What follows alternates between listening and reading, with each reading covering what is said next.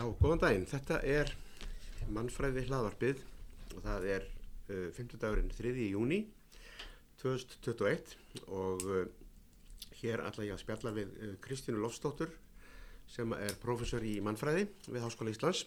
Uh, Kristín hún er fætt 19, 1968, borun og badfætt í Hafnaferði og uh, hún uh, tók sína BA gráðu frá Háskóla Íslands árið 1992 í mannfræði Uh, mastersgráðu frá Háskólanum í Arizona 1994 og lög doktorsprófi frá sama háskóla uh, árið 2000 eftir hérna vettvánsrannsórn, tveggjara vettvánsrannsórn í hérna Níker hjá hérna Wudabe fólki. Og svo reyðger heitir The is Sweet, Identity and Desire Among the Wudabe in Niger. Og bara í þessum titli þá kemur fyrir hérna orðið Identity sem hefur verið svona svolítið rauður þráður hjá Kristínu í hennar rannsóknum og skrifum spessi spurningum það hver við erum og hvar og, og í hvaða samhengi. Og þegar ég, þegar ég á að tala um við þá er það svona svolítið afstætt þegar við erum náttúrulega öll við svona við erum gáð. Og svona megin, megin svona þræðir eða rannsóknar þættir hjá Kristínu hafa verið uh, hlutir sem snúa kynþáttahyggju og rasisma og kyngerfi, einnig uh, hefur hún fjallað um svona uh, samhengi etniskra hópa, sjálfsmynd, hópa og fólks, fjölmenningu í því sambandi. Og í setni tíð hefur hún verið að skoða sem að kalla er sérstöðuhyggja og sérstaklega svona evrópska og norræna og, og ekki síst bara íslenska sérstöðuhyggju sem við munum ræða betur um. Og hún hefur skrifað tölvöld mikið um hugtak sem að kallast kvítleiki eða whiteness á ennsku sem að er sem hefur komið mörgu kvítu fólki óvart þessi til. Og hérna og í sambandi við þetta allt saman hefur hún skoðað svona áhrif nýlendu tímans og þessum hvað svona síðan nýlendu hyggju hérna sem eru áframhaldandi efnagslega og valdaleg tengsl hérna fyrir nýlendu nýlendu herra og nýlendu þjóða. Og sjálfsmyndir hérna fólks í sambandi við það og ekki síst sjálfsmyndir Norður, Norðurlanda og, og bara Íslandinga líka í sambandi við sagt, samhengi við ný, nýlendu tíma sem er nokkuð sem við erum reynd að þakka svolítið niður og ekki þóst að vera hluti af. Svo hefur hún aðeins komið inn á það sem hefur kallað þróunahjálp sem hefur svo sem ekki verið neitt meginadriði en það hefur verið kannski meira svona á þeim nótum að hérna það sem að kalla það svona byrði kvítamannsins sem tengist náttúrulega þessum hugmyndum um um okkur og hina og um samskipti, þessi söguleg samskipti sem sagt fyrst og fremst Evrópu ríkja síðustu mörgundruð ár við aðra heimslöta og uh, síðan hefur hún skrifað tölvört um sagt uh, útrásina svo kalluðu og hérna íslensku vikinga, útrása vikinga og hvernig þeir uh, töluðu og voru, voru talaðar inn í, inn í hérna alls þjóðverðnislegar ímyndir hugmyndir okkar Íslandinga um okkur Íslandinga og, og hérna þar sem að þessi íslensk þjóðinskend og, og það að vera íslenskur var svona markaðsett, svona brandað sem við tölum um setna í þessu viðtali. Og, til, og dæmið það er þetta fyrirbæri sem að var sett á Stokkonum á sínum tíma sétt Inspired by Iceland sem átti að hérna þess að var framleitt bókstæla ákveðin ímynd af Íslandingum sem að sko þegar vilja að gáð stendst ekki alveg skoðun Þannig að um, þetta eru svona megin, megin hérna, megin hérna uh, þemu í hennar rannsóknum, það er hafa nú verið svolítið yfirgrips miklar þannig að þetta er nú bara stiklað á stóru. Svo ætlum ég aðeins að minnast hérna á bók sem kom út 2019 eftir Kristínu sem að heitir Crisis and Coloniality at Europe's Margins, Creating Exotic Iceland sem að má þýða sem krísur og nýlenduleiki á jæðri Európu að skapa framandi Íslam og Ísland fyrir gefiði og hérna og hérna ég ætla rétt að lesa smá texta hérna um þessa bók því að í þessum í því þá svona hún það svona að ramma svolítið inn megin svona hugtök og þema sem að, og þætti sem Kristín hefur verið að, að fást við. Og svo bók hún fjallar sagt um sjálfsmyndapolitík samtímas í Evrópu þar sem krísa á jæðri álfunar varpa ljósi á áframhaldandi rótfestu nýlenduleika eða koloniality í þrá og sjálfsmyndum hverstagsins. Viðbröð Íslands við hruninu 2008 eru skoðuð og höfundur kannar hvernig Ísland reyndi að marka setja, það er að segja að branda sig sem framandi ferðamanna áfónga og við erum náttúrulega að þessu ennþá í dag, heldur betur. Nú komum við sem er eldfjall í spilið. Aðtegli er beitt að vonum og vendingum þjóðarinnar með rætur í 19. öldinni og það sem við kallum sjálfstæðisbaráttuna, þessa svona sjálfsmyndasköpun sem fór í gang þar, að vera hluti af Európu frekar en vera skilgrend í hópi nýlendna. Og þetta hefur fjallar Kristín meðalans um í þessari bóki sambandi við heimsýningar sem voru sérstaklega í Kaupmannöf fyrir rúmum 100 árum. Uh, bókin skoðar uh, tengsl við hugmyndir um framhandleika í Evrópu þar sem evrópsk orðræða er byggð á kynþáttuðum hugmyndum um, um innan gæðsalappa siðvætt fólk með áherslu á nýlenduleika. Á krísitímum er ljósi varpað á hvernig rasisma er viðhaldið í samtímanum sem og á mikilvægi þjóðurnislegra viðhorfa í viðsjör, viðsjörverðum heimi. Hinn gaggrína greining á nýlenduleika, rasisma, kvítleika og þjóðverðnis sjálfsmyndum sem um er fjallað í bókinni eru í gegnum bókina byggðar að tölur leiti á persónulegum frásögnum höfundar. Og þetta eru megin þemum, þemum, þemum sem snertan þessa bók að auðvitað ætla ekki, ekki, ekki að fjalla meira um hana en þetta eru svona, þetta eru svona þættir sem við rekumst á sérstaklega í, í hérna, umfjöldan um bók sem Kristín er að vinna að núna á samt uh, Dana sem heitir Lars Jensen kemur út á næsta ári. Og, og hérna þar koma þessar hugmyndir svona svolítið fram aftur í svona svolítið öðru samingi en svo bók heitir svona sett exceptionalism exceptionalism sem að maður þýða sem sérstöðu higgja og hún sem sagt þessi bók, hún kortlegur þetta hugtak og hún greinir frá því hvernig það er notað og jafnveg misnotað hvernig það er notað sem hugtak og í svona hvaða samingi og þetta er hugtak sem tengist þjóðleika, þjóðríkinu, þjóðnisykju og ymsu slíku. Og í bókinu eru tekinn dæmi viðsvegur úr heiminum þannig að þetta náttúrulega byrtist á ólíkan hátt sem sína fram á mikilvægi hugtaksins og tengst þess og merkingu í ólíkum þjóðríkjum um allan heim sem sagt. Og um, þessi bók mun skoða og meta þetta hugtak sem skilgreinandi bæði fyrir fortíð og samtíð í sjálfsmyndaskopun margra þjóða og hérna þetta munum við svona ræða í setni hluta þessara spjalls. En við ætlum að byrja á að tala um tala um grein sem að Kristín uh, skrifaði sem kom út í rétinu í fyrra 2020, grein sem heitir Snertifletir. Og hún fjallar um brjóstmyndasafn hérna El Museo Canario sem er svona sapn á Kanaríum og um, það er að talað um að mannfræðingurinn Jeffrey David Feldman hann hefði bent á hvernig ákveðin sapgripir verða til vegna snertingar þeirra við líka með einstaklinga og hvernig þessi tilur gripana er oft gerð ósynileg í samtímanum.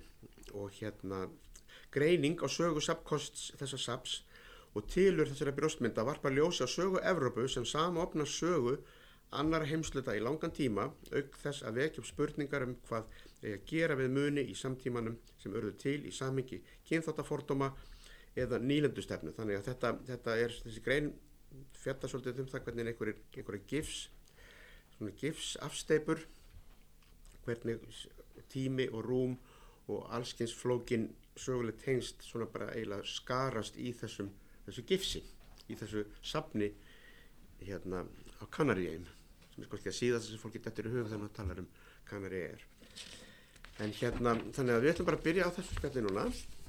Og hérna og hérna þessi grein heitir sem sagt snertiflettur og þá er bara gott við erum að spurja af hverju heitir greinin þetta?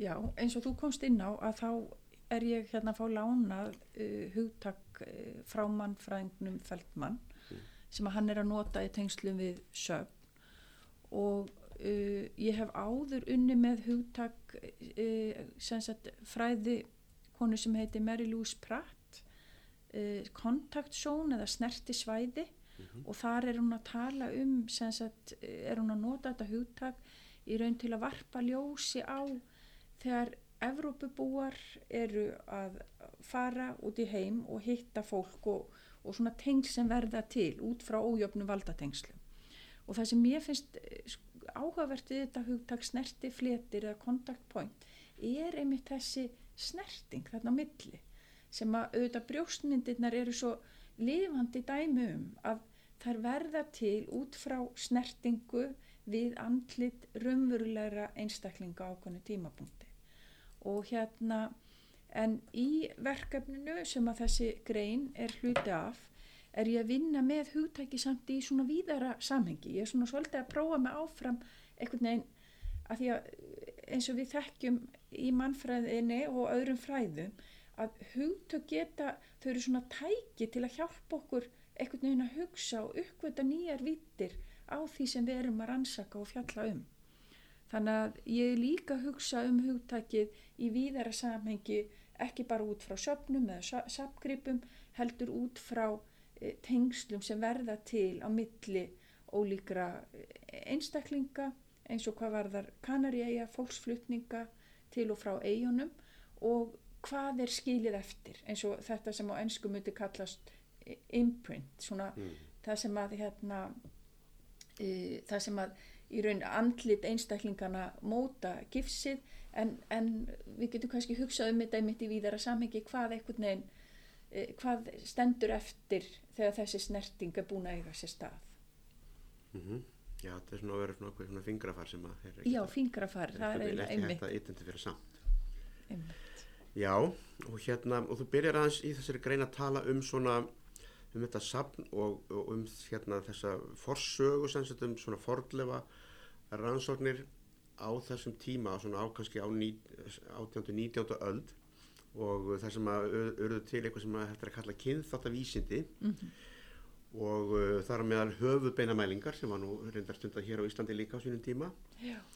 og hérna, og þetta er náttúrulega þessi, þessi saga náttúrulega eh, hefur, hefur, hefur átt í stað út um allan heim í raun og veru í þessum samskiptum mér dætti hugt þér að vera að lesa þetta og bara vera að hugsa um þessa þessa, uh, hvernig Evrópumenn á þessum tíma um, og kannski ennþann dag í dag, hvernig þeir hafa umgengist sko menningar verðmætti annar, annar þjóða og annars mm. fólks ekki bara, ekki bara svona líkamlega, svona, í svona líkamlegu samhengi heldur bara alls svona listaverk og dætti eiginlega hug þegar ég var að lesta þetta svona minnum að svona svolítið á svona eh, frásegnar af hausaveiðurum. Já. Að, að þegar var, var eitthvað átök og, og til þess að sko, sko, staðfesta sigur en þá komstu heim með eitthvað mm. haus. Já, og það er eitthvað einmitt sem að e, við sjáum einmitt á 19. öld að þá er gífulega mikilvægt fyrir Evrópabúa fara út í heim. Það eru svona vísindaleiðangrar sem voru e, að hluta til vísindaleiðangrar en að hluta til einmitt hernaðaleiðangrar til að kortleggja heiminn, sapna einmitt svona e, gripum sem voru í raun svona minnisvarðar um þeirra sigra og hérna og þetta er náttúrulega ótrúlega að lesa lýsingar á bara hversu langt fólk gekk í því að ræna grafir, mm. svíkja og pretta eða bara einfallega stela helgigripum frá ólíkum uh, þjóðum viða um heim þannig að hérna Uh, og, og auðvitað kannski líkamsleifar einhvern veginn oft svona sásöku fylstu hérna endurspeglunin á þessu hmm. Já, þetta er, þetta er ekki, ekki beint fallið saga. En hérna áður við höldum lengra hérna uh, hvernig stóð sem stáð þessari rannsók hjá þér? Þetta var ekki bara þannig að þú varst bara í frí á Kanari og ráfaðirinn á eitthvað sapn þetta er, þetta er, þetta er kannski hluti af einhverju stærra. Það er, svona, það er samt næstuði þannig. Ég sem sagt var að ljúka þessari bók sem að þú last upp úr uh, Crisis and Coloniality at Urbanins og kannski gaman að segja frá því ég var umverulega að skrifa loka kaplan þegar ég var þarna mm -hmm. uh, og hérna uh, þannig að ég svona strax byrja að hugsa bara ok, hvað langar mig að gera eitthvað nefn næst hvernig eitthvað nefn bara langar að byrja á einhverju nýju en samt er þetta viðfáðsefni einmitt að, að benda á eins og bara við höfum séð svo vel á, síðustu, á síðasta ári að rifja upp þessa fortíð og áhrif hennar á nútíman og, og hvernig hún er ekki bara fortíð heldur líka nútími hvað var þar fordóma og mismunun og annað slíkt mm. og hérna og bara reymanleika ójöfnuð í því að geta farað melli staða og ég var þarna með sýstu minni og við sem sagt uh, okkur er bóðið á SAP uh, af hérna af próf, prófessor við háskólan þarna og ég skal alveg viðkenna það ég hafði engan áhuga að fara á þetta safn. Það var náttúrulega indislegt viður úti. Ég var búin að vera að vinna í þessari bók bara, en svona fyrir kurtið sakir þá lappa ég inn á þetta safn, sem sagt Kanari safnið, eða Elmusjó Kanari já og hérna, og þar, þetta er safn sem er í raun eins og minnisvarði um frumbyggja eigana, en eins og kannski sumir vita sem hafa heimsótt Kanari eiga að þá uh, hófst kerfisbundin útrýming þessa fólks bara mjög fljótlega eftir að uh, Evrópumenn hófu innreð sína á eigarnar uh, í kringum hérna eða fyrir 1500 og sagt, og þetta er sem sagt forleifasap með alls konar minjum sem tengjast hérna menningaminjum sem tengjast þessu fólki. Og einn hluti af safnunu er í raun herbyggi, þetta heitir Vernó hérna herbyggið í höfiðið á franskum mannfræðing og þar inni má sjá líkamsleifar þessara frumbyggja, aðalega hauskúpur en líka brjóstmyndir og þegar ég lappaði þarna inn að uh, þetta tengi svona gamalli sögu mannfræðinar frá 20. öldinni mér leiði svona eins og ég var að lappa bara inn í fortíðin af því það er búið að halda þessu herbyggi mjög svipað eins og það hefur verið frá því að safni var uh, sett á fót í lók 19. aldar þannig að þetta var svona eins og bara gluggi inn í fortíðina og það er vel að merkja tekið fram uh, af sagt, leiðsögu fólki að þetta er svona þetta eru úrelt vísindi sem er verið að kynna þarna til sögunar og ég fyrir að horfa á þessar brjóstmyndir og þá allt í hennu rífast upp fyrir mér býtu hérna uh, hún hérna Ólöf Nordal var með alveg frábara síningu í listasafni Íslands 2012 mm -hmm. og ég var með bóðin til þess að vera með erindi og þar voru brjóstmyndir sem hún hafi tekið mynda af, af, af Íslandingum og skrifaði mér þess að stutta grein hérna í skýrtni um þessa hérna frábæri síningu hennar Ólafar og ég svona fór að reyna að rifja þetta upp í dug hvar voru aftur, var ekki eitthvað af brjósmyndunum á spániða kanari og, og það var auðvitað alveg rétt en þannig að þetta svona er eiginlega algjör tilvölni ég eitthvað nefn ramba inn á þetta sapn og, og hérna og úr var þetta verkefni sem stýr ekki bara brjóstmyndunum en þær eru samt mikilvægur hluti af sögulegum vinkli. Það sem að ég nota í raun þetta sapn eins og þú varst að kynna á þann sem svona leið til þess að nálgast mörg ólík viðfónsafni eins og bara að rýfa þessa sögu einhvern veginn inn í mm. samtíman Já, hérna þú eh, minnist aðeins á það hann í greininni líka þegar þú ert, ert þarna í safninu að þú, að þú hafið hérna sest neður og, og fylst með sem sagt fólkinu sem var að koma inn og skoða. Já og hérna, og hérna þú segir hérna í, kannski ekki beint í samhangi við það, þú segir hérna í greinni gerð gifsmyndana sjálfra, endur speklar eftir samtengingu heimsins yfir langt tímabil og það áfbeldi sem Evrópsk landkönnuð og vísindaverkefni fólu í sér eins og við erum búin að koma inn á mm -hmm. heldur þú að þetta fólk sem að hafi verið að hérna lappa þarna um og skoða þetta hafi hafi einhvern veginn séð þetta í þessu ljósi eða, eða hérna heldur þú að þeir sem að til dæmis reyka sapnið svona séu mig uppteknir af þessu. Já, ég veit að því ég hef tekið viðtöl við fólkið sem að vinnur á sapnu mm. og ég veit að það er hérna, það veltir fyrir sér þessari sögu. Og ég var einmitt svo heppin að, að það var hérna leiðsögumadur sem síndi mér sapnið og hérna og hún til dæmis dróð það fram að þetta hefði verið hræðilug glæpur, þetta verið þjóðamorð sem átti sér stað.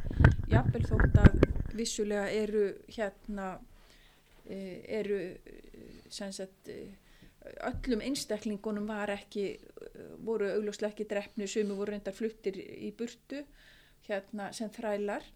En, en sem ákveðin þjóð má kalla þetta þjóðamorð og Sagt, þannig að eins og í, á 19. öld þá er þetta fólk hægt að vera e, hérna í raun fólk og orðið mm. eins og bara forleifa mm. hérna viðfóngsefni mm. og þannig að mér fannst alveg vera meðvitund um það á safninu, þessi hérna sorglega og skelvilega saga en ég veit ekki með gestina svona, ég veldi stundu fyrir mér að því fólk svona veginn uh, það, það er mikið af fólki á skemmtiferðarskipum sem að kemur hérna inn á safnið og uh, og ég veldi stundu fyrir mér þetta er einhverja kannski skipulega ferðir frá skemmtiferðarskipunum en sumir einhvern veginn bara svona virtu svona næstu í rúla hérna inn eins og þetta væri svona smá kvíld frá hérna sólinni og bara svona eitthvað aðeins að rölda hérna um og ég til dæmis gæti ekki séð að fólk einhvern veginn e, yrði fyrir sama svona einhvern veginn hughrifum eins og ég var fyrir að lappa inn í þetta rúm, inn í þetta herbyggjafsækið en ég veit að hérna og þau hafa sagt mér það sem vinna á safninu að það eru múmjur þarna frá þessum frumbyggjum og þær eru mjög vinsælar, það þykir svona mjög spennandi að sjá mm. þær. Og þá má kannski bæta við eins og ég held ég minnist á í greinni að þessar múmjur voru miskunalust grafnar upp á Evropabúum og þær voru meira sem mi mikilvægir í svona líf á, sem sagt í mm. Evrópa og miðöldum þar sem voru mulda niður og notaðir í eitthvað og hérna e, þannig að e, eins og bara þegar safnið er sett á fót í lok uh, 19. aldar að þá er það líka mikilvægt til þess að reyna að varveita kannski þessa arleð og þessa líkamsleifar á kanar í eigi mm. að, að því að mikið af þessu var bara flutt mm. út eins og gerist náttúrulega í öðrum uh, nýlendum En þetta brjóstmyndasafn, það var, það ekki uppröðulega í Fraklandi? Jú, sem sagt uh, brjóstmyndirna sjálfar eru keiftar frá Fraklandi í sagt, þegar, þegar safnið er sett á fót þá kemur mjög fljóðlega upp þessi hugmynd að vera með svona brjóstmyndasafn og hérna og e, fræðimenn sagt, á Kanaríum á þessum tíma voru í mjög miklum tengslum við fræðimenn frá Fraklandi eins og þessi Vernó sem mm. Herbyggja heitir eftir að hann kom til dæmis og var með fordlefa uppgröft á Kanaríum og þetta tengist sögur rasisma líka því að, því að hérna e, það var verið að búa til einhver tengsl sem eru alls ekki rétt. Á milli fordlefa minja á Kanaríum og hérna fordlefa minja í Evrópu þessir upprunlegu íbúa Kanaríi að koma frá Norðurafriku sem mm. hefur verið syngt bara vel fram á núna á síðaslinum áratugum en þessna var þessi mikla áhugi frakka á eigunum og hérna og, uh, og þeir sem stóða þessu sapni fannst mikilvægt að eiga svona brjóstmyndasap sem syngdi kynþætti mannkynns og hér er ég að nota hugdagi kynþáttur mm. innan gæsalappa því að mm mannkynni skiptist jú ekki í ólíka kynþætti, jábel þótt að þessir einstaklingar hafi haldið það. Þannig að hérna, og eitt af því sem ég hef mitt verið að rannsaka, þetta er svona eins og maður byrjar á einum punkti og svo er þetta svona þráður sem fer í allar áttir, að ég hef mitt farið til Fraklands og fengið að skoða þar brjóstmyndasafni þeirra og er að reyna að rekja sögu í raun þessa brjóstmynda á kannarisafninu, ekki bara íslensku brjóstmyndana eða af Íslandingunum heldur líka annara brjóstmynda. Og hérna og það er mjög áhugaverð saga bara hvernig þessa brjóstmyndir urðu til. Mm. og það, það tengis landkonunuðar verkefnum frakka á þessum tíma og það var náttúrulega samkynni hjá þessum eurósku eurósku ríkum að hérna fara í svona leðangra og það var svona svolítið svona mónkjefni Já, e, akkurat og hérna og þá má kannski geta þess í þessu samengi að í uh, lok átönda aldar, byrjun þeirra nítjönda þá koma fram hins svo kallu höfuðlagsfræði mm. phrenology. Og hérna og það er sem sagt uh, þýskur uh, einstaklingur sem er oftast hérna nefndur í því samengi Frans Jósef Gall en þessi fræði voru tekin upp sérstaklega í Fraklandi og, og Skotlandi og, og hérna og það má kannski nefna að í, á fyrirluta 19. aldar eru frakkar svona leiðandi vísinda afl í svona kynþáttavísindum mm.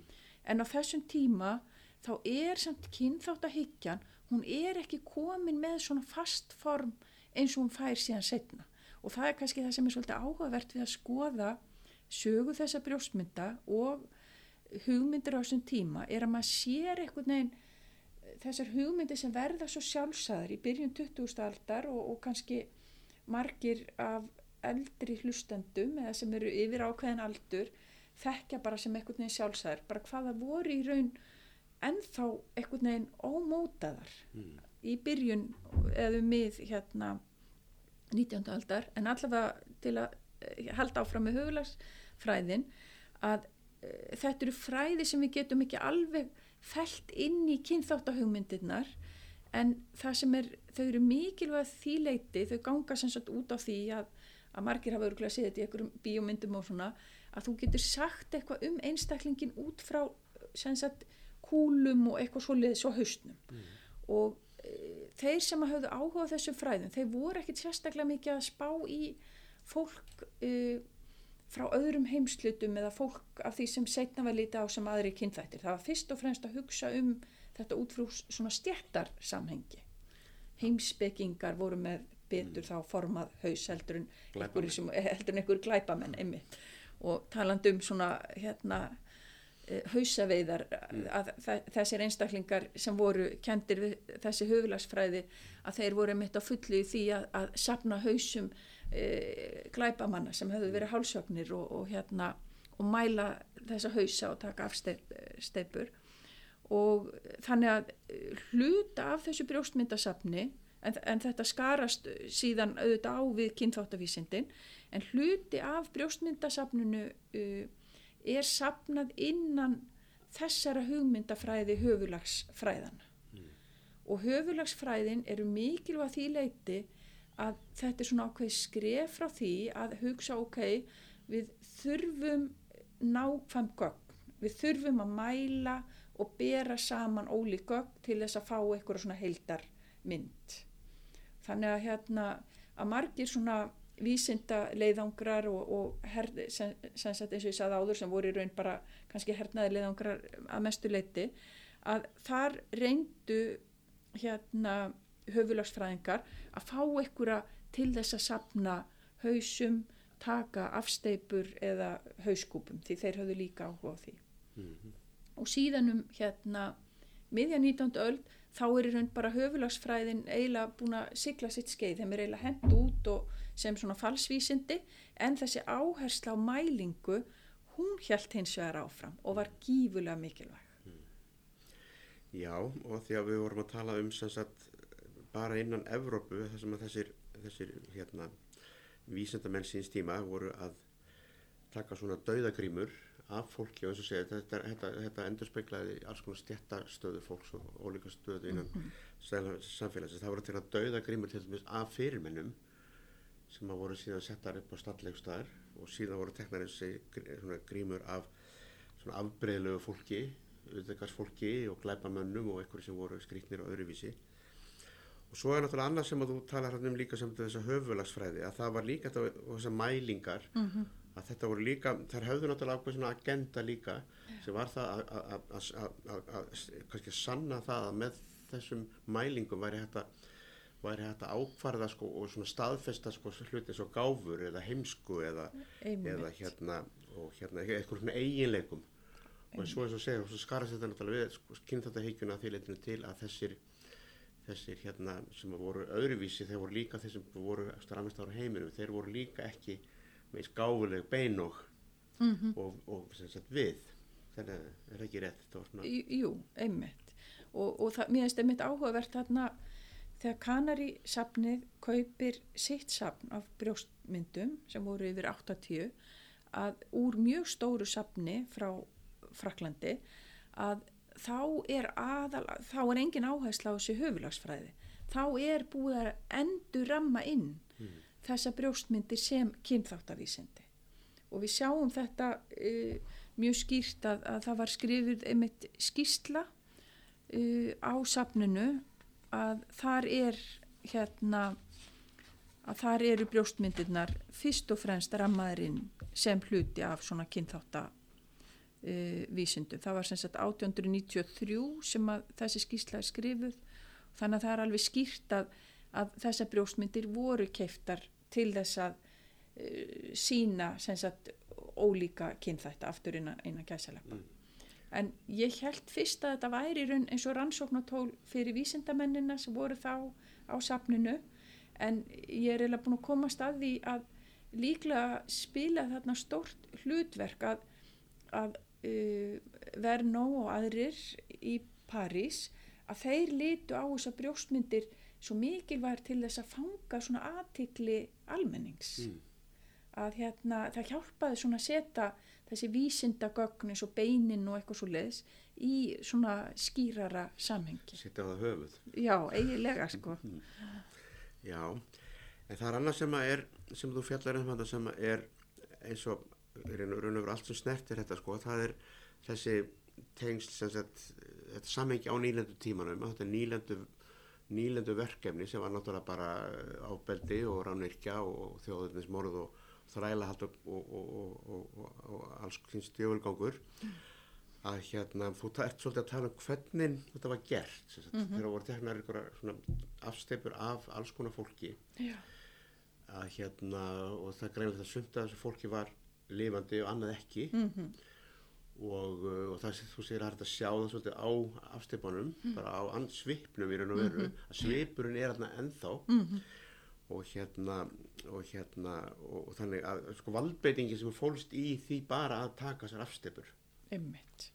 Já, það er einmitt, sko, eins og þegar ég kom þetta fyrst inn, ég bara, einhvern veginn, ég gleymi ekki tilfinningunni, einmitt bara einhvern veginn þessi andlit sem eru þarna og eins og þú lýsir, maður sér að sumir eru með stór sár í andlitinu og aðrir hérna eru með opin augun, þannig að maður gerir á fyrir að þeir séu dánir, en það reyndar segir ekki alltaf alla söguna því stundu gátu var hægt að laga til eh, brjóstmyndirnar þannig að augum virtustur og opinn þóttu hefðu raunveru uh, lokuð. En hérna þannig að það er svona mikil einhvern veginn svona nálagð í þessum brjóstmyndum. En á sama tíma þá hérna voru samt sumir líka eins og til dæmis uh, mjög þekktur uh, þekkt brjóstmyndasap kemur frá leiðangri mann sem heitur Úrvíl sem fór hérna til uh, söður hafs og, og hérna söðupólsins og hann til dæmis let gera svona brjóstmynd af sér. Þannig að það er ekki öllum tilfellum sem að þær voru gerðar í samhengi ofbeldis. En, en mjög oft að þá var það gert. Stundum var þetta hérna stundum gáttu þeir sannfært fólk með gjöfum um að leifa þeim að gera brjóstmynd en, en þetta ferli í raun að láta gera brjóstmynd af sér þetta er pínlítið öðruvísi heldur en bara gríma af því það er verið að gera allt andlitið.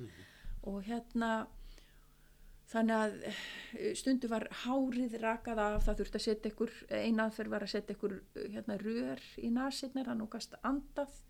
Og hérna þannig að þetta var óþægilegt og, og hérna og eins og þeir sem voru að eh, láta gera þetta við sig sem að voru ekki sem sett í París og þetta á öruglega við hérna kannski Íslendingana allavega söma líka. Þeir vissu í raun ekkert hvað var verið að gera hver, hver loka afurðin var af því að eh, sem sagt þú gerir eh, sem sagt tekur svona mót. Þú ert í raun að taka mót sem að síðan brjóstmyndin er búin til eftir á. Mm. Já, já, þetta var náttúrulega eins og sé þetta var, þú, þetta kemur framhandingarinni líka að þetta var, það var ekki orðlikt að þetta veri gert uh, við fanga og, og bara gert við fólk sem haf, var, var búið að svifta frelsi, þrælar eða, eða fangar eða, eða bara þess vegna döðir. Þannig að fólk var yfirleitt ekki spurt um þetta. nei, Þetta er svona svipað og í, sem þetta, þetta sem að ríkisvaldið gerir náttúrulega ekki við okkur í dag að ef við gerum eitthvað á okkur þá hérna tekur hérna, ríkið á okkur fingrafar. Og við erum ekkert spurð hvort við viljum það eða ekki nei, nei, einmitt. Og hérna sem er kannski svolítið ekki, ekki, ekki, alveg í sama samminginu en, En- það við vorum að tala þarna um þessa hérna þessar hérna sérkynlega orð hérna uh, þessar hérna beina höfulagsfræðina já mm sem að átti að reyna að að það er átti að reyna að, að laða fram eða kortleikja einhverja eiginleika Mhm. út frá, út frá höf, höfulegi og þú ert að tala um það hérna að að eitt markmiði með þessu var að sína fram á svona sem getur kallað svona mismunandi svona sið, innan gæðsælega siðferðislega stöðu, svona á þrónafræðilega siðferðislega stöðu fólks mm. og hérna sem sagt þeirra siðvændu og svo aftur á móti villimina, það líti að vera einhver, einhver hérna munur og þetta átti svona að staðfesta svolítið svona siðferðislega viðsmannulegu yfirbörði mm -hmm. kvítamannsins mm -hmm. og það er, maður hefur svona tilfinningunni að þessar vísandælegu nálganir og vísandælegu mælingar þessum tíma þetta hafi, þetta hafi líka verið svona ákveðin svona agenda líka til þess að innan gæðsanlepa sanna mm -hmm. það að við kvíti maðurinn, Evropamadurinn væri sem sagt hefði einhverja yfirbörði og hérna og hérna það er sagan hérna af uh, Jórupa manninum mm -hmm. Ósife Kundi mm -hmm. og það er líka það er líka verið að tala um sko, það var tekið svona afstipa af honum en það var talið að hann væri nú reyndar komin af sennilega einhverju einhverju yfir, yfir, yfir stjætt í sínu samfélagi því að hann vissi nú eitthvað mm -hmm. en samt var verið að setja þetta sko upp eða var, það var verið að vera að leita einhverjum svona merkjumum til þess að undistrykka þennan mun og til dæmis var að tala um sko fegur og ljótleika sko, sem er náttúrulega algjörlega afstætt fyrirbæri Já. Og hérna en, en sem sagt hvítir Evrópumenn höfðu sínar sitt mat, gildismat hvað er ljótt og hvað er fallið og þessi fagurfræðilegi þessar fagurfræðilegu skilgrinningar það er áttu líka marka ákveðna svona andlega og síðferðslega yfirbyrði hvítamassins Já, algjörlega. Og bara svo ég byrja á sko bara víða samhenginu að það er alveg skýrt einmitt, þarna var verið að leita eftir að e, skapa ákveðu svona stigveldi. Og aftur við, á þessum tíma, sérstaklega á fyrirluta hérna 19. aldar, að þá er þessar hugmyndir svona meira flæðandi og mér finnst til dæmis áhugavert ég að lesi það að, að margir af þessum landkonnuðum sem að, eða land, eða kannski ekki landkonnuður hérna, sem eru e, sem sagt, að fara í þessar ferðir til þess að reyna afla þessa upplýsinga og mhm. hernaðarlega mikilvægu hérna uh, þætti að þeir ofti rekast á ýmsa hluti á svona ferðalum sem að stangast í raun á við það sem þeir eru búin að læra heima fyrir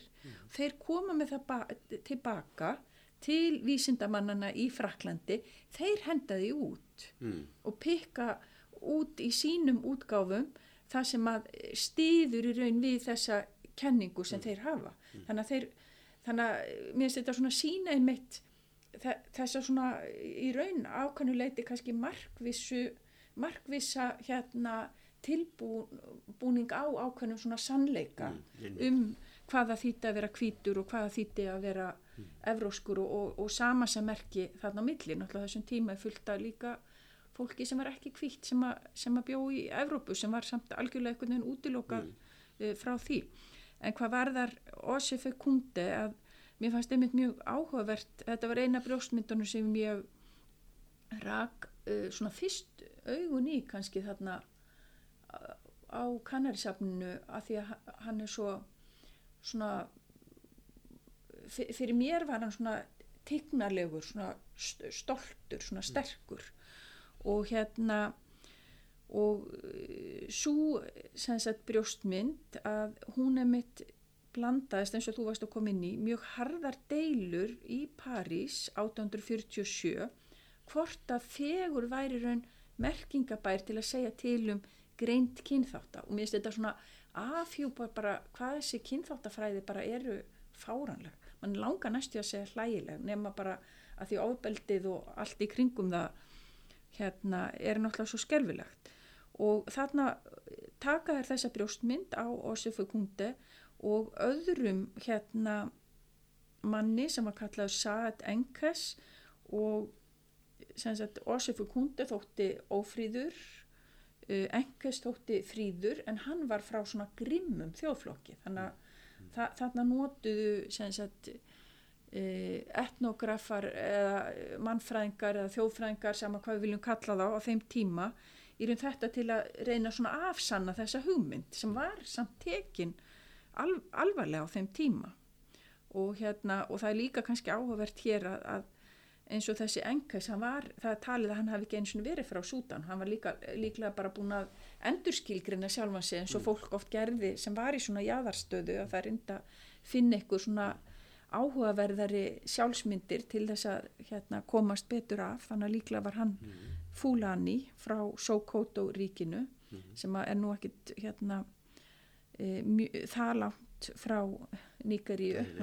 og það var hluta Níkaríu líka Já, já. Hérna, já, hann var líka, hann var líka fyrirsetta. Já, já, einmitt og, og þarna kemur mannfræðin einmitt inn í því að uh, maður að nafni Hami sem er mikill stórt nafn í sögu uh, franskara mannfræðingar undir lok 19. aldar að hann notaði meðal annars sem uh, fyrirsæt, uh, fyrirsætu og hann var líka fyrirsæta fyrir listamenn. Mm. þannig að, hérna, að hann var svona eftirsóttur uh, einstaklingur. En, en brjóstmyndin hans er í raun ekki til á kanarisafnu en ég er svona að drega hana inn af því að þetta er þessi áhugaverða saga um þessa fegurð Mm. sem hluti af því veginn að geta sagt til um e, síðmenningu og, og, og grein Þetta er svolítið áhugaverð sko, sko þessi skortur á sjálfsvitund hjá európskum hérna, valdamönnum á þessum tíma ef bara maður skoða bara málverk og myndir og málverk af, af kongum og keisurum og, og, og í Európa á þessum tíma það sem að er hérna það sem að er sumstaðar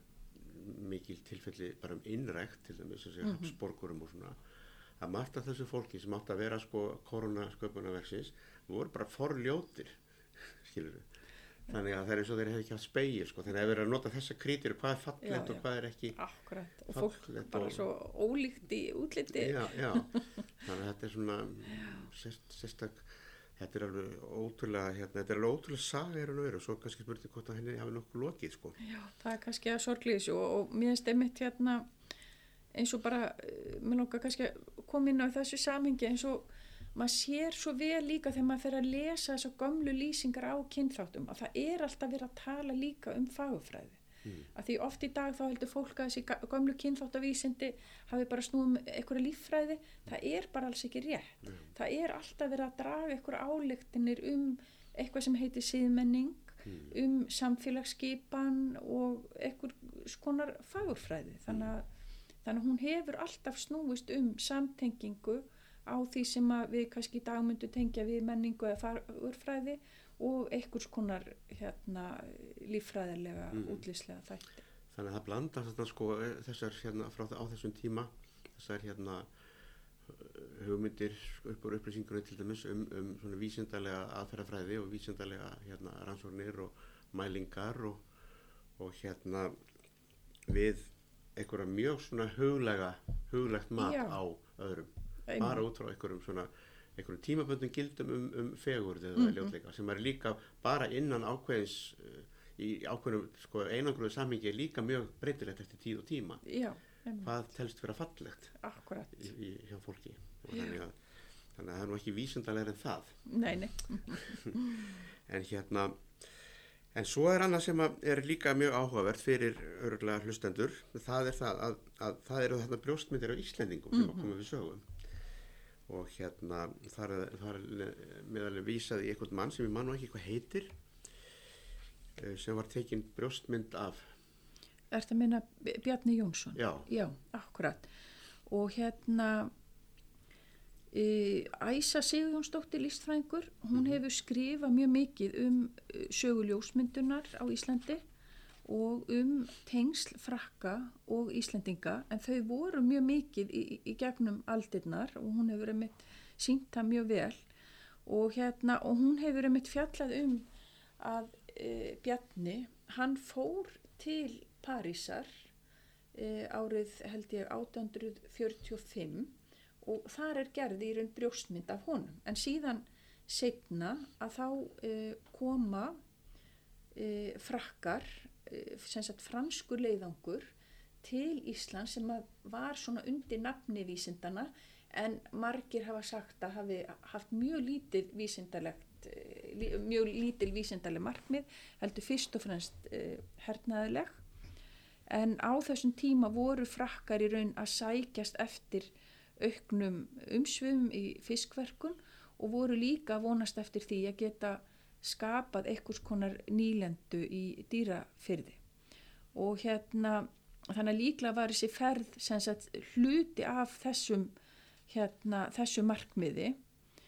E, og þar voru sagt í þessari ferð eru teknar brjóstmyndir, nei, já, brjóstmyndir og reynda líka afstæpur af e, líkamslutum nokkra e, Íslandinga og hérna og það sem ég erst náttúrulega heitlandi við þetta er eitthvað neginn hvernig Íslandinga voru þannig færð inn í þessi kynþáttavísindi og eins og þegar maður kemur á kanari safni þá er, er þeir orðin svona hluti af þessu safni e, dæma um ólíka e, kynþætti Mm.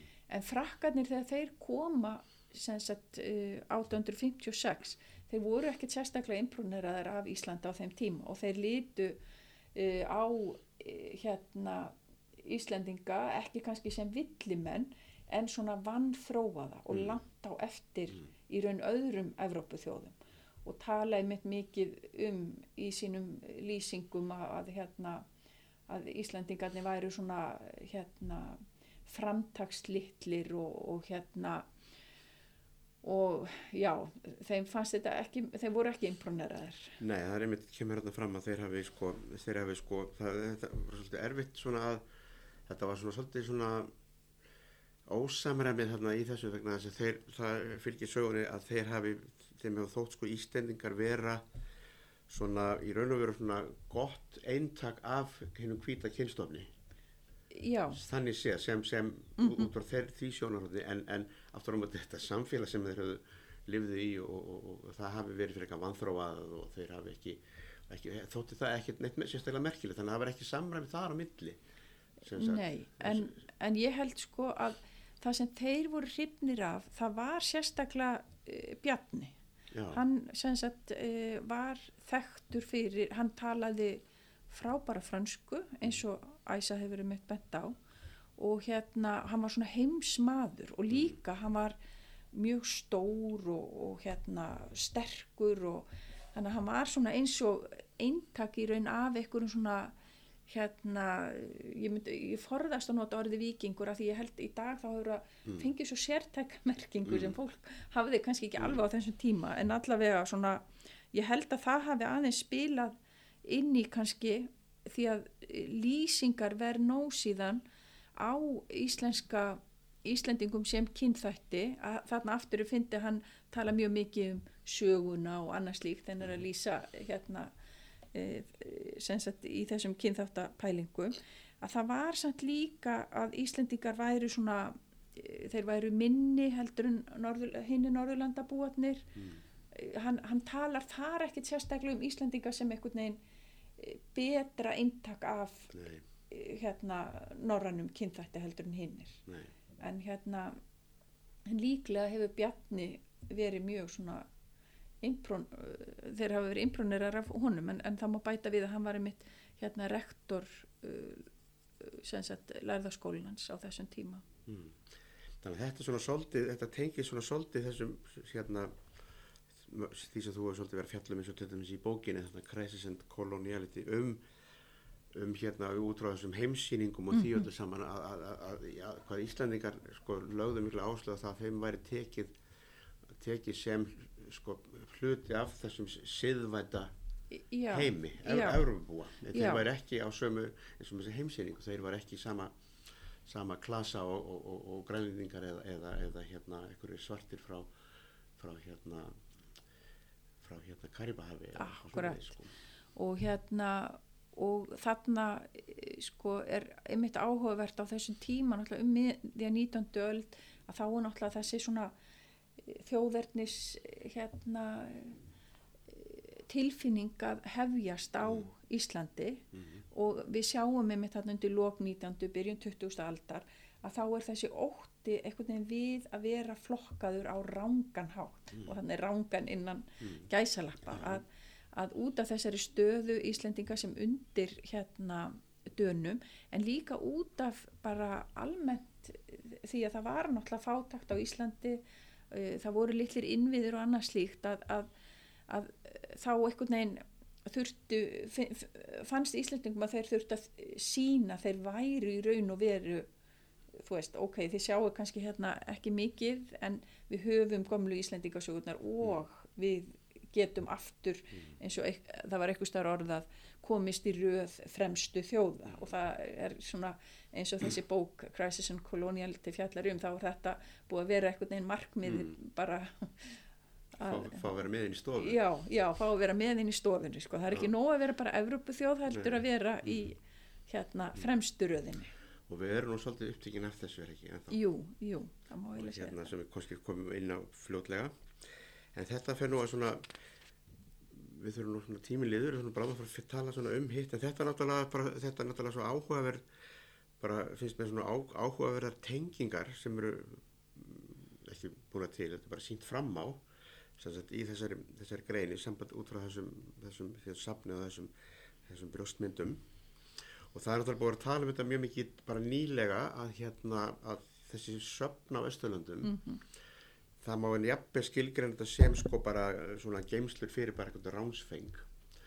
Því að mestu af þessu sem er í British Museum eða, eða, hérna, eða hérna Louvre, þetta er bara þýfi mm. við kallum þetta bara réttu namni og, og hérna þetta byrjaði nú daldið mikið með Napoleon þegar hann fór til Egyptalands. Mm -hmm.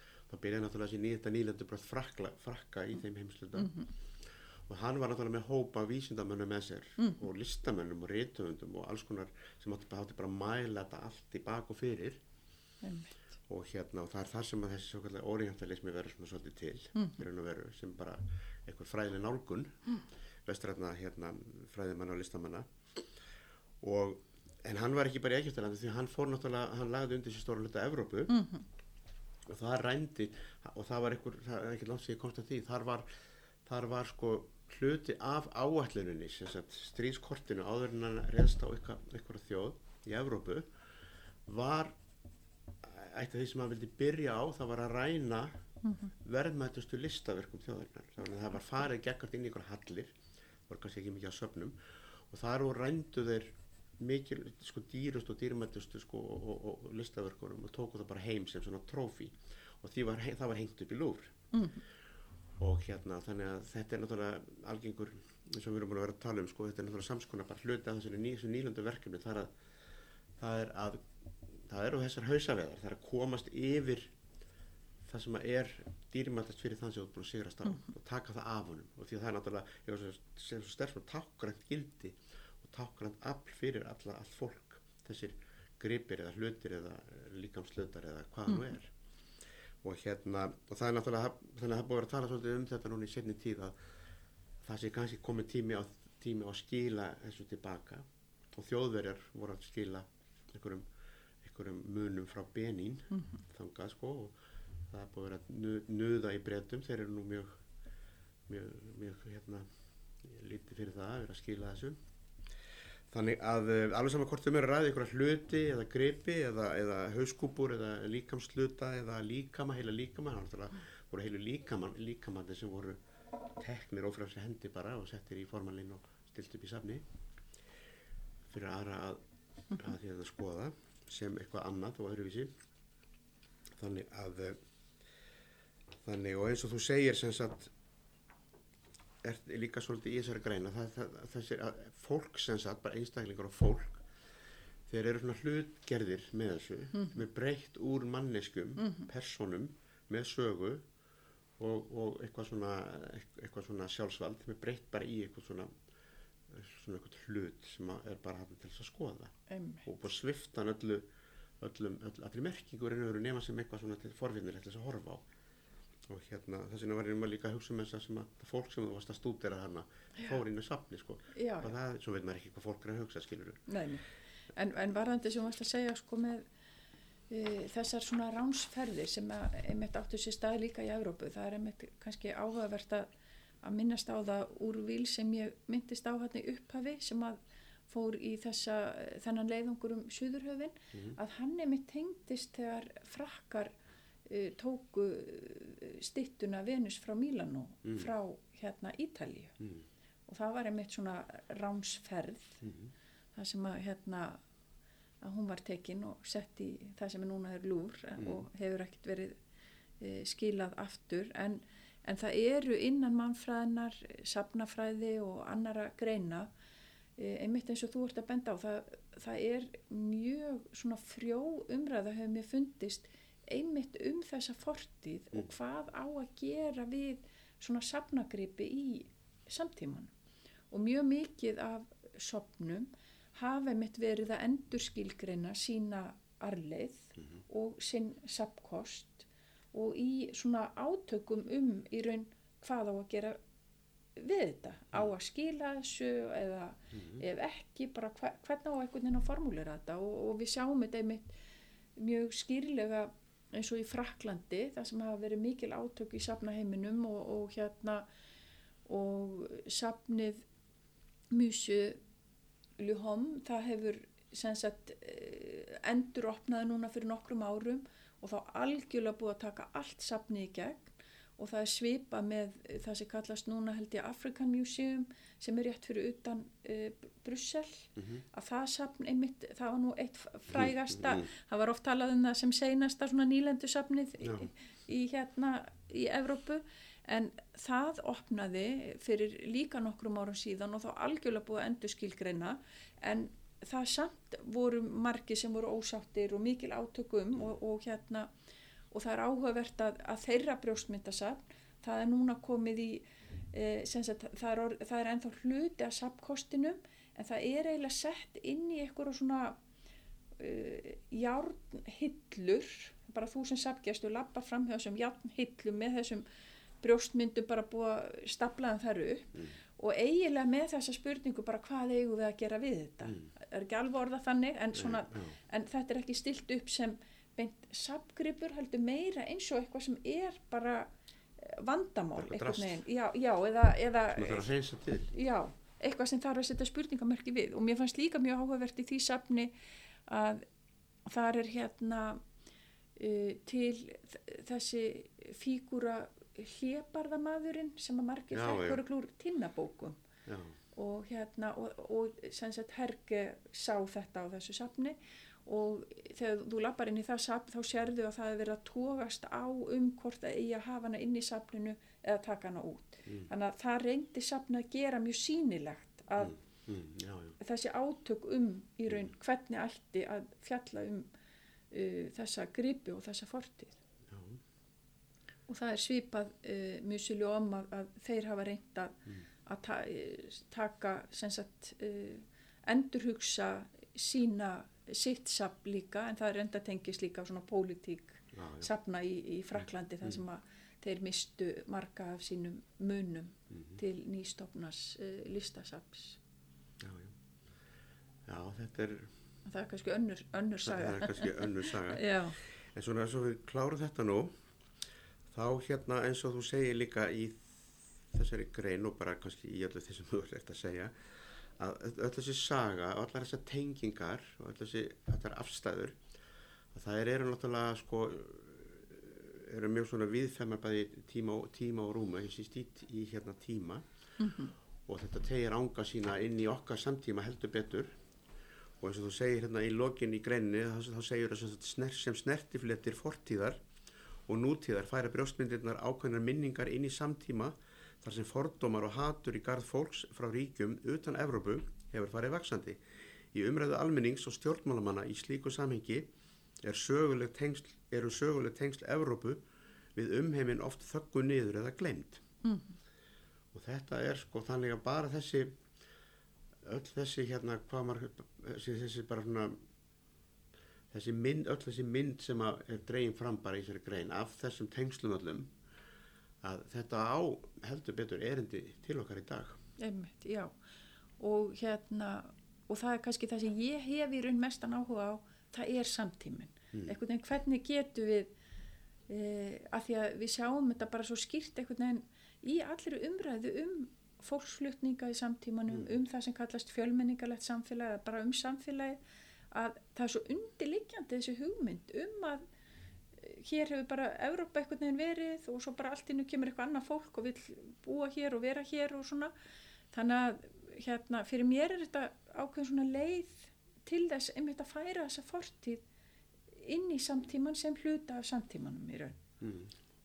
já, já, og setja, setja fortíðina í svona e, samtímulega samhengi og öfugt já, akkurat. og hérna og eins og, eins og þú vart að í að í þessu sem þú vart að segja þarna er náttúrulega það að þessi svona þetta, þessar, þessar, þessar pólitísku vindar sem blás í dag Mm að sérstaklega á Vesturlöndum Európu og, og í Bandaríkjunum uh, eru hérna þetta eru, þetta eru, sem maður segja, þetta eru svona vindar sem koma af þessu svæði. Já, í raun og veru. Einmitt. þetta er svona eins og þegar sandurinn frá Sahara er að koma Mm til hérna spánar eða eitthvað. Þetta, þetta eru vindar sem að þetta eru vindar sko frá einhverjum liðin tíð sem er samt ekki liðin sko Nei, nei. Og ég held einmitt að við þurfum að hugsa þetta einhvern veginn alveg upp á nýtt. Ekki að hugsa um Evrópu og síðan Afríku. Ég tek Afríku sem dæmi þótt að greinin kom inn á mörg svæði. Að ég þekki það best. Ekki sem einhver aðskilin rými heldur einmitt. Evrópa var til, e- e- eins og hún er í dag, var til út frá tengslum við aðrar heimsálfur. mm. Annars er þetta, veist, það, það er engin Evrópa án þessara tengsla og hérna og jafnvel þótt að fólk þekki þess að sögu allt svolítið það er einhvern veginn eins og stopp, það sé einhver þröskuldur samt að færa það yfir í í raun að hugsa hlutina upp á nýtt. algjörlega og það er, það er náttúrulega bara gott dæmi um þetta er af því að einn af þessum vindum sem að blása núna, köldu vindum sem blása um til dæmis Evrópu í dag, það er þessi þessi viður gagvart til dæmis sko fólki frá hérna Vestur Asíu, Norður Afríku og, og tengsl bara við, viður og tengsl við sko múslima í Evrópu í dag að hérna það er líka saga sem að hefur verið máð út mikið því að til dæmis er, eru flesti sakfræðingar saman um það að hérna endurreisnin reynesansin á sínum tíma hefði aldrei átt sér stað nema vegna áhrifa sem sagt araba Einmitt, í já. Sagt muslimskra araba í Evrópu sem að sem sagt vísindamanna mhm, sem að hérna bæði voru búin að þýða sko mikið af hérna grísku heimsbyggingum fordra yfir á hérna lifandi mál sem sagt og kynntu til söguna bara raunvísindi, Mm. starffræði, læknisfræði og, og, og, og hérna og komið náttúrulega með nullið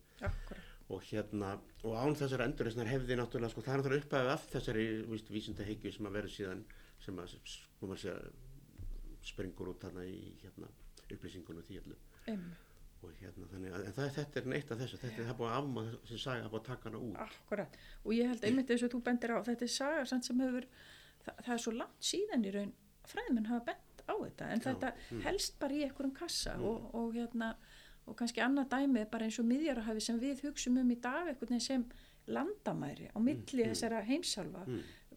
menna allir, sem, allir vita samt Mm. ef, þeir veginn rifi upp söguna, það, það er ekkert þannig, þetta einmitt þetta var einmitt leið til þess að vera í miklum tengslum Mm. og hérna já, þannig að en, en mér finnst þetta safn, sem sagt að skoða safnið það er svona fyrir mér eins og stökkpöllur inn í ymmislegt annað Mm. uh, sem tengist uh, sem sagt víðar í markmiðum uh, þessa verkefnis Mm. sem er hérna styrt af, af rannis Mm. sem að gerir hérna e, sem sagt eh, það mögulegt að, í raun vinna það og hérna og, og þetta er svona sögulegi hlutin í raun, Mm. hann svona kvarnast í kringum Mm. safnið. Þannig að það er von á meiru. Já, já, alveg, bara, það er bara tímin hérna, já, hérna tíminn, hvað sagði hann? Hvað sagði skaldi, tíminn líður áfram og teimi mig og eftir sér. Já, einmitt, Herru Kristín, ég ætla þá bara að segja skili við þessa ágætu grein en ég ætla bara að hvetja fólk sem að er að hlusta á þetta að ná sér í þessa grein og, og, og, og lesa hann á kynasærinu. Þetta er gífurlega merkileg svona og þetta er líka bara gott dæmi um það hvernig er þetta að skoða hvernig er þetta að skoða svo margt út frá litlu mm, í raun og veru? Einmitt, og hvernig sko, margbreytileikin og, og svona sagan og þetta, þetta mikli, mikla hérna þetta, vangja niður sögunar hvernig hann tundur geimist bara í einhverju einhverjum döður hluti eins og eins og svona bröstmynd sem að má líka deilum hvort það sé döð. En hérna þá ætlum við aðeins að svona lok, í lokin, tíminn hefur nú liðið svolítið. Það er þessi bók sem er væntaleg á næsta ári sem heitir exceptionalism sérstöðu higgja og þetta er sem svolítið sérstakt við þennan titil, hann er bara eitt orð. Þetta eru titlar af svona bókum nokkur orð, típunktur fullt af öðrum orðum mm, sem er líka fínt bara þannig að þetta er svona svolítið svona exception þessi titill. En þú hérna sem sagt að skrifa þessa bók á samt dalanum Lars Jensen og þið eru þarna fjalla um þetta í rítari sem heitir frá Ráðleit sem heitir li, um líkil hugmyndir Key Ideas. Og þar eru þið að fjalla um hugtakið sem sagt sérstöðu hyggju sem hu- hugtak og líka sem sko reyna skilgruna sem hugtak og líka svona að skoða sem samhengi líka. Hvernig það tengir sem og, og sem sagt þetta hugtak í hvaða, hvaða samhengi felur það í sér mm -hmm.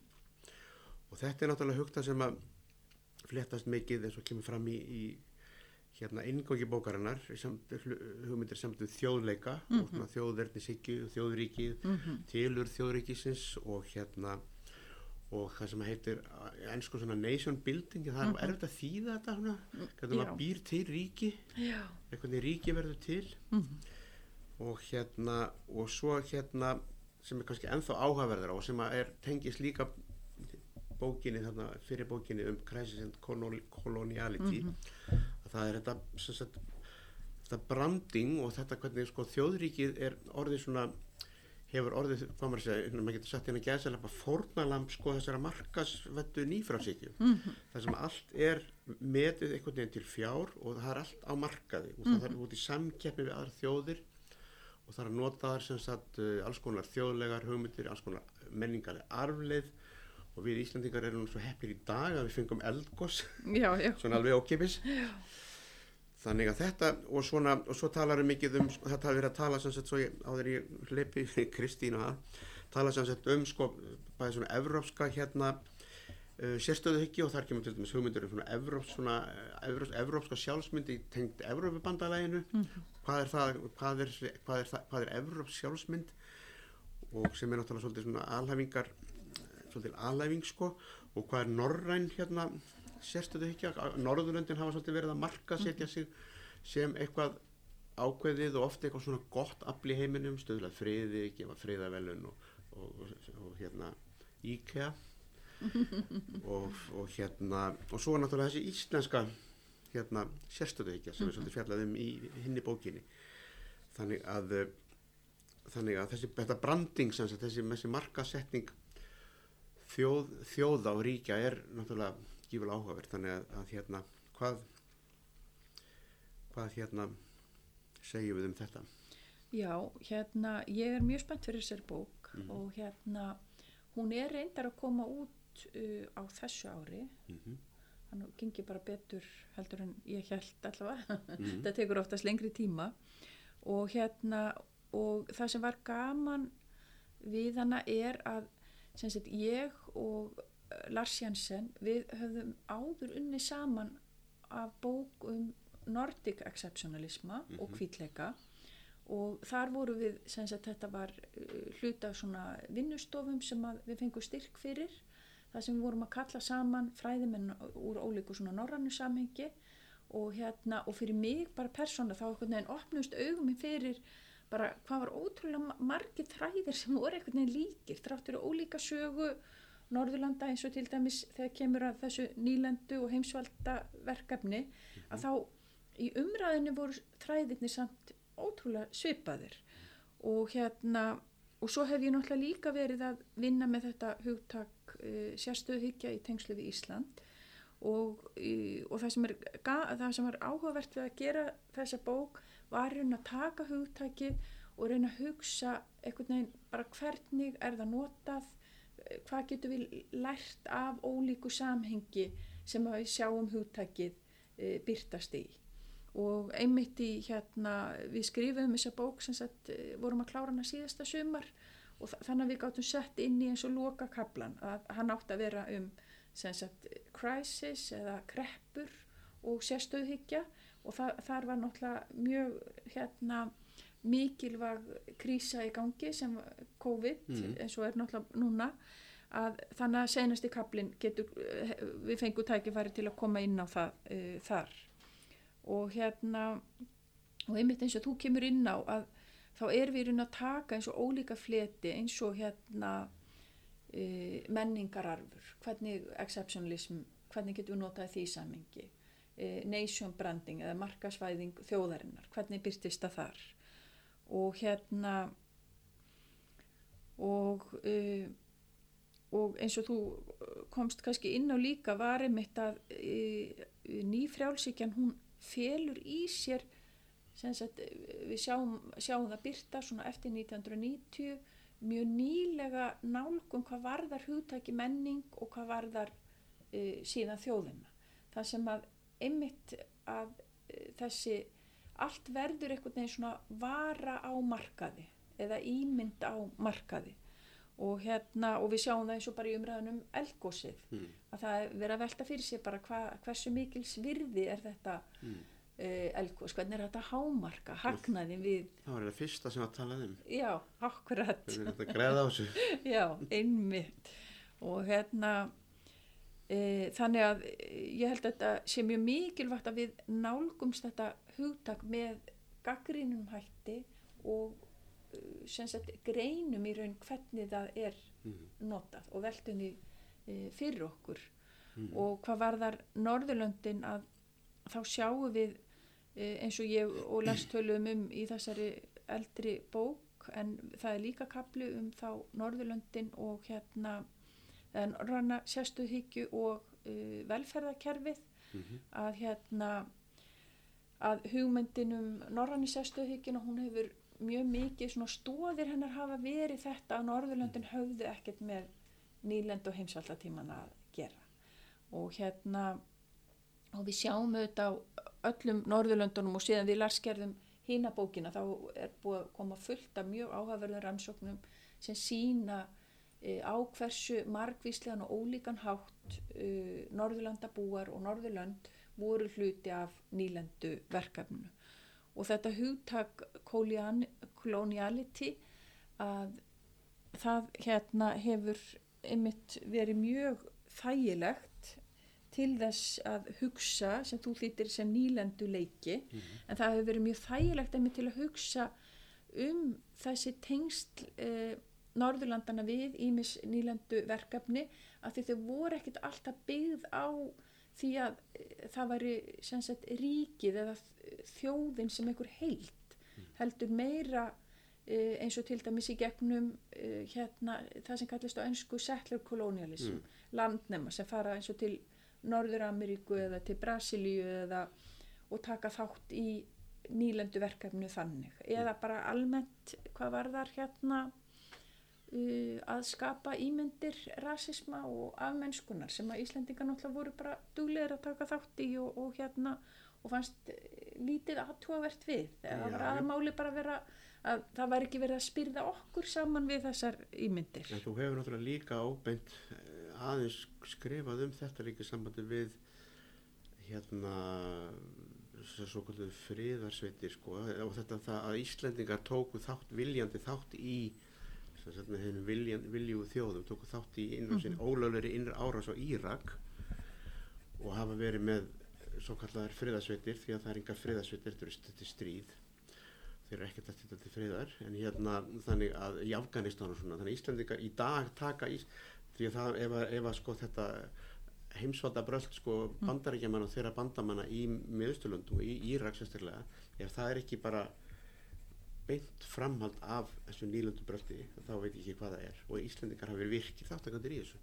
Já, ég hef einmitt unnað þessu í tengslu við hana Helgu Björns. Já, sem að hérna Jeppa, e, já, sem að hérna var ég var svo heppin að hafa hana í doktorsnámi hjá mér og bara alveg, hún er frábær fræðumæður og hérna og þá sem sagt einmitt þetta með hvernig Ísland og Norðurlöndin einmitt út af þessari sögu eða umræðum það að hérna, þau tengist ekki nýlendutímanum að þá hafa þau þótt mjög heppileg í svona fríðarsveitum af því þau hafa ekki mm. þessa nýlendusögu en menna, þetta er náttúrulega svo mm. alramt og menna, mm. lönd eins og Danmörk ef við bara hugsaum um þetta út frá ríkja tengslum að Danmörk náttúrulega fyrirverandi heimsveldi þótt að það eitthvað neginn hafi bara alveg glemst Já, já, og virkir í mörgum dönum líka. Nýlandu tímanu þræla vestlun Já, akkurat.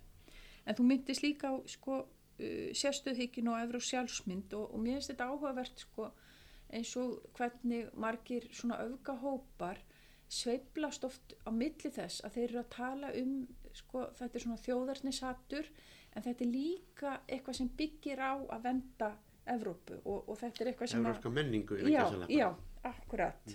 Þannig að það er eitthvað svona hugmynd um Evrópu og eins og þú komst inn á áðan að, eh, sem lítur algjörlega framhjá því líka að Íslam er hluti af evróskri menningu og, og hefur verið í hér hérna í margar margar aldir. Þannig að hérna að bókin hún er fyrst og fremst að skoða uh, sérstöðhyggjuna út frá svona þjóðar umræðu en við komum samt líka inn á þessa hugmynd um uh, evróska sérstöðhyggju og uh, bandaríska sérstöðhyggju. Já og svona það sem að þessi, þessi einu algengasta tuggan í setni tíð að það er hérna þessi, þessi sérstöðu ekki sem tekist ykkur sem er kallað vestræn menning. Já, já, sem að ég hef verið að reyna að fá, nefnduð mína til að að hjálpa mér að skilgrina hvað vestræn menning er. Það hefur ekki komist niðurstaða í það máli en þá Nei, en hérna, en þar er, er sem, sem er mér finnst mjög áhuga það sem er við tekið eftir sem að þið eru að ta- tala um líka svona kannski í lokin sko, það er þessi það er þessi hérna sem sagt, tengst svona, kyngerfi svo kyn, kynneigðar raun og veru við þessa, þessa sérstöðu hyggja þessum að þessi frjálsu hérna, umbörðalindu vestrænu ríki uh, nota það að tala hérna um sko homonationalisma. Nota sem sagt svona komar sér bara að prómóvera þeirri hugmynd að þau séu æðri, en það er ennþá þessi hugmynd. Við erum svona æðri að mörguleiti að því við erum umbyrjandi og við umberum sem sagt uh, samgengneið og svona allskynnsneið eins og ég vil kalla það. Og, og svona að, að, að hérna sem að samkvæmt okkar eigin hugmyndum aðrir ger ekki sem er líka miskilingur já, já. algjörlega og í, bara í sögulegu samingi en þannig að við erum meira þess að nota þætti sem að sko eru ennþá umvæðir miklu fordómum hjá okkur til þess að benda á fordóm annara Akkurat.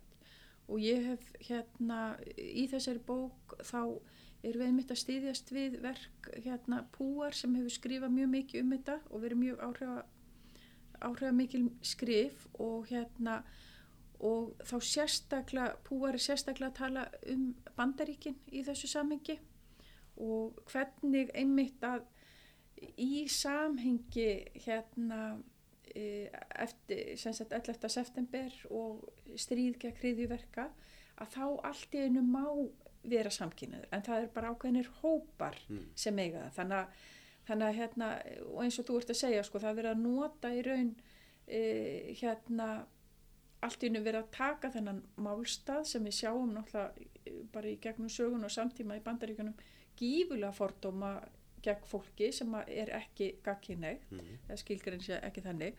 Og hérna allt í einu er, er þessu snúirinn og kvolf til þess að upphefja bandaríkin og að réttlæta uh, ofbeldi og mismunun í garð fólk sem að eru hérna frá öðrum svæðum eða eru uh, múslimar og púar alveg sérstaklega tekur fram að þetta er sagt þetta er raun svona ákveði val af ákveðnum hópum sem að Mm. meiga vera ekki gagkinnið.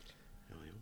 og það mátt, í þessu mátt líka bara segja það til dæmis sumstæðar í, í Afríku, svona austur Afríku það sem í dag eru, ég man ekki hvort það er í Uganda, það sem bara samkynið bara er ólögleg og refsiverð og svona fordómar gagvart hérna samkynneið sumstæðar í, í þess, þeim, þeim hluta Afríka allavega uh, var fluttur inn með nýlenduherranu, það, það var kirkjan, Evrópska kirkjan sem kom með þessar hugmyndir Einmitt. og bannaði þetta og sagði að þetta verið synd.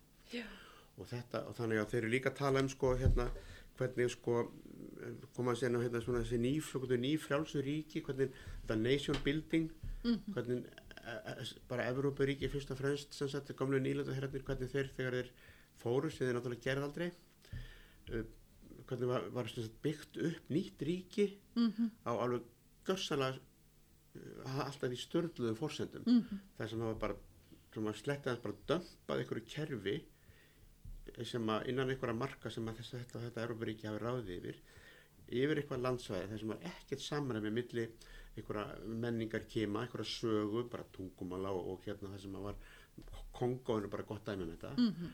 sem að er náttúrulega reysa stórt ríki er bara, er, er bara, bara fáraleg hugmynd að búa til ríkjúrusu sko en það hefur sagan borð þess vitni hefur verið eða borgarstýra það síðan Mhm. og hérna og hérna þannig að þetta er líka svona sko þessi, excess, þessi sérstöðu ekki hún svona réttlættir það að við getum lift okkur að gera þetta. Mhm. draga eitthvað svona línur eitthvað staður út í heimi. Við sjáum þetta bara í, í hérna vestur Asíu, bara Írak, Sýrland og allt þetta svæði. Þetta þessar línur, línur sem voru dregna fyrir hundra árum þar þetta var bara uppskrift á einhver, einhver hérna bara hérna, óerðir sko. Og hefur verið það síðan, svo er spurning hvort það hafi verið meðvitað.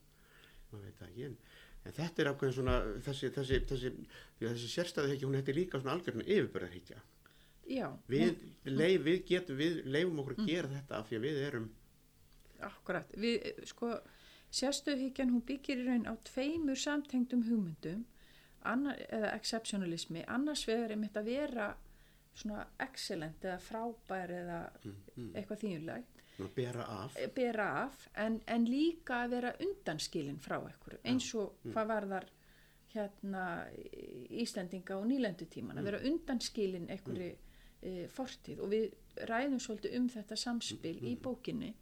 og ég er svona vonast til einmitt að, og við bæði að e, þessi bók sé svona stökkpallur einhvern veginn fyrir aðra að geta byggt á þessu og, og hérna og svona pælingum varðandi þetta hugtak, gaggrínum pælingum og hérna þannig að ég vona það að, að, að hún nýtist sem slík. Þetta er ekki, þetta er ekki löng bók en, en hérna og henni skipt niður í þessa fimm kapla sem að reyna nálgast hugtakið út frá sagt ólíku samhengi. Og einn sagt fjórði kaplinn að hann talar um í raun uh, þá erum við að reyna að snúa hugtakin og kvolf og tala um það sem fellur á milli í raun sagt það, það, sem er ekki exceptional í raun.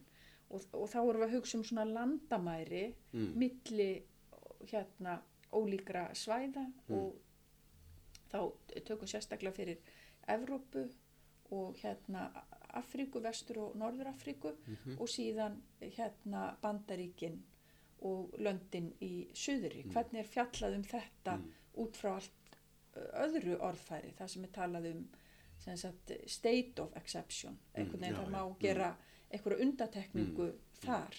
Þannig að það var mjög svona, já, hérna áhugavert að bera saman þessu ólíku og þetta, er, og þetta er alltaf einhvern svona stað sem að þeir sem að hæri þeirri aðstöðu gefa sér Já, í raun og veru í krafti valdsins með já, ég get verið stikkfrí af því að ég hef spes af því að ég hef vald til þess. Já, já, það láta ekki draga mig inn í eitthvað Herru Kristi, ég held að við séum komin svona nokkuð á tíman en hérna þetta er búið að vera alveg ákvæmlega áhugavert spjall um hérna um hérna öll þessi tengsl og þetta er náttúrulega það er náttúrulega öll þessi tengsl sem mannfræðin er að alltaf að reyna að skoða og skilja og draga fram hvernig, hvernig hérna það sem er nær hérna tengist því sem er fjær og öfugt og, og, og, og hvað, hvernig þetta hefur alltaf áhrifart og annað og hérna og hérna og það sem er líka mér, persónulega finnst áhört þetta er það að mér finnst sko svona sögulegt Mhm. samengi skipta svo miklu máli í mannfræðinni. Já, að maður getur ekki skilið eitthvað sem er að gerast í dag eða fyrir hundra árum nema maður getur sett það í sögulegt samengi akkurat. Og það er einmitt sem að læri, sko, all, eh, þú veist, þegar maður byrjar í mannfræðinni, það er einmitt þetta mikilvægi að skoða þetta víðasamengi og sagan er náttúrulega hluta af því, en líka skoða þetta litla eða smáa. mm, já, já. Þannig að ég hugsa sko að ég vinn mikið með fólki sem kemur öðrum fræðagreinum og, og ég held að það sé einmitt líka svo mikilvægt. En á sama tíma þá hugsa ég stundum um, já þetta er bara það sem ég lærði í bara ingangsnámskeiði henni gamla daga Já, í Háskóla Íslands. Já, já, þessar, þessar, þessar gi- gifs, í, í gifsmyndinni, brjóststeifinu, þar, þar hérna kjarnast bara öll þessi saga og öll þetta samengi. Eru, kæra þakkir. Takk fyrir.